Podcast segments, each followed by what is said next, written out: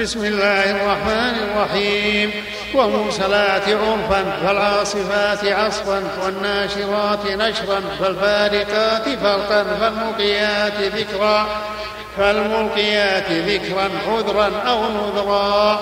إنما توعدون لواقع فإذا النجوم طمست وإذا السماء فرجت وإذا الجبال نسفت وإذا الرسل وقتت وإذا الرسل وقتت لأي يوم أجلت ليوم الفصل وما أدراك ما يوم الفصل ويل يومئذ للمكذبين.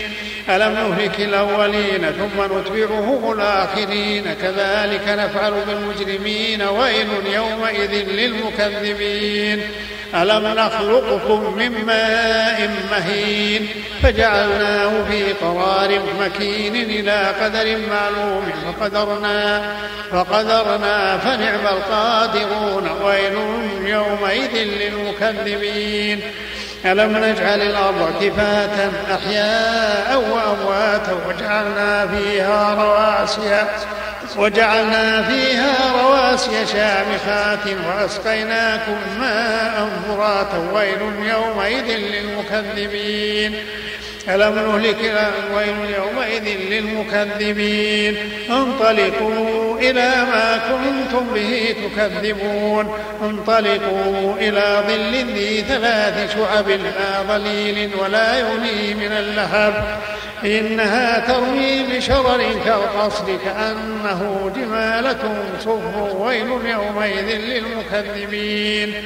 هذا يوم لا ينطقون ولا يؤذن لهم فيعتذرون. ويل يومئذ للمكذبين. هذا يوم الفصل جمعناكم والأولين.